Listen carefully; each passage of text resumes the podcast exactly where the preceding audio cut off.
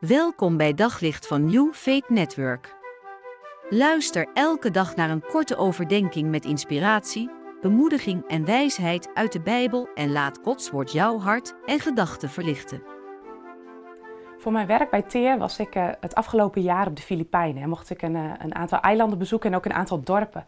Um, ik was op Oost Samar en uh, daar mocht ik een aantal mensen ontmoeten. We werden ontvangen in een dorp. Het was echt heerlijk voor ons gekookt.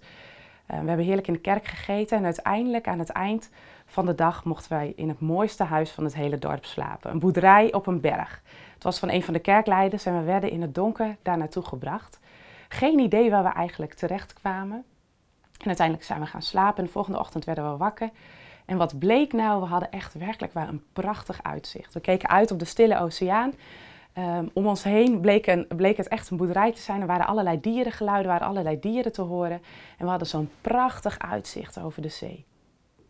Maar ja, niets is wat het lijkt, want juist die zee was een bedreiging voor deze mensen.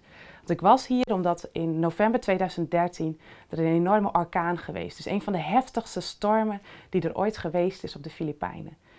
En het hele dorp was verwoest. Mensen waren hun huis kwijtgeraakt. Mensen waren andere mensen kwijtgeraakt die omgekomen zijn. En het was één grote ravage geworden.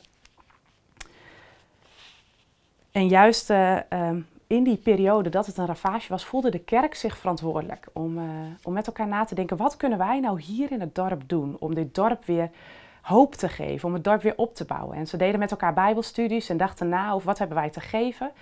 En uiteindelijk zijn ze begonnen met het trainen van een aantal mensen om een winkeltje te beginnen. En ik ontmoette een moeder en een dochter die een eigen winkeltje begonnen waren. Die apetrots vertelden over het winkeltje wat ze hadden. En lieten zien hoe ze de boekhouding hebben geleerd van de mensen uit de kerk. En wat ik zag is dat zij hun waardigheid gekregen hebben. Dat zij weer hoop hebben gekregen. Dat ze zekerheid kregen. Omdat ze gewoon zo trots waren op iets wat ze zelf gemaakt hadden. Op eigen inkomen wat ze nu verdienen. En dat was een van die vrouwen die zei: Als er nu weer een orkaan zou komen, dat is een reële angst. Als er weer een orkaan zou komen, dan staan we er samen voor. Dan weten we wat we moeten doen. En die bewustwording door zo'n orkaan was op gang gekomen. Volgens mij zijn het de gevolgen van klimaatverandering die juist die armste mensen treffen. En dat is uh, heftig om te zien, want juist die mensen die weinig hebben, worden getroffen door onze manier van leven. Ik wil met jullie lezen een scheppingspsalm, Psalm 24, vers 1 en 2.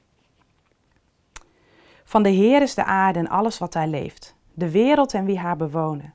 Hij heeft haar op de zeeën gegrondvest, op de stromen heeft hij haar verankerd. Zoals bij heel veel psalmen is er aan het begin een statement: de aarde behoort aan God toe. Um, en het mooie is dat in die tekst wordt de naam van God gebruikt als Yahweh. Degene die zegt: Ik ben die er zijn zou. En daarmee zegt God: Ik ben niet een soort schepper die op afstand staat en die de aarde aan zijn lot overlaat, maar ik ben betrokken bij elk detail van deze wereld. Hij heeft de aarde gemaakt en hij is vanaf het begin eigenaar en betrokken. En het is dan Gods opdracht aan de mensheid die zegt: Wees vruchtbaar, word talrijk en heers over de aarde. En daarmee zegt hij: Ik vertrouw je deze aarde toe, zorg ervoor.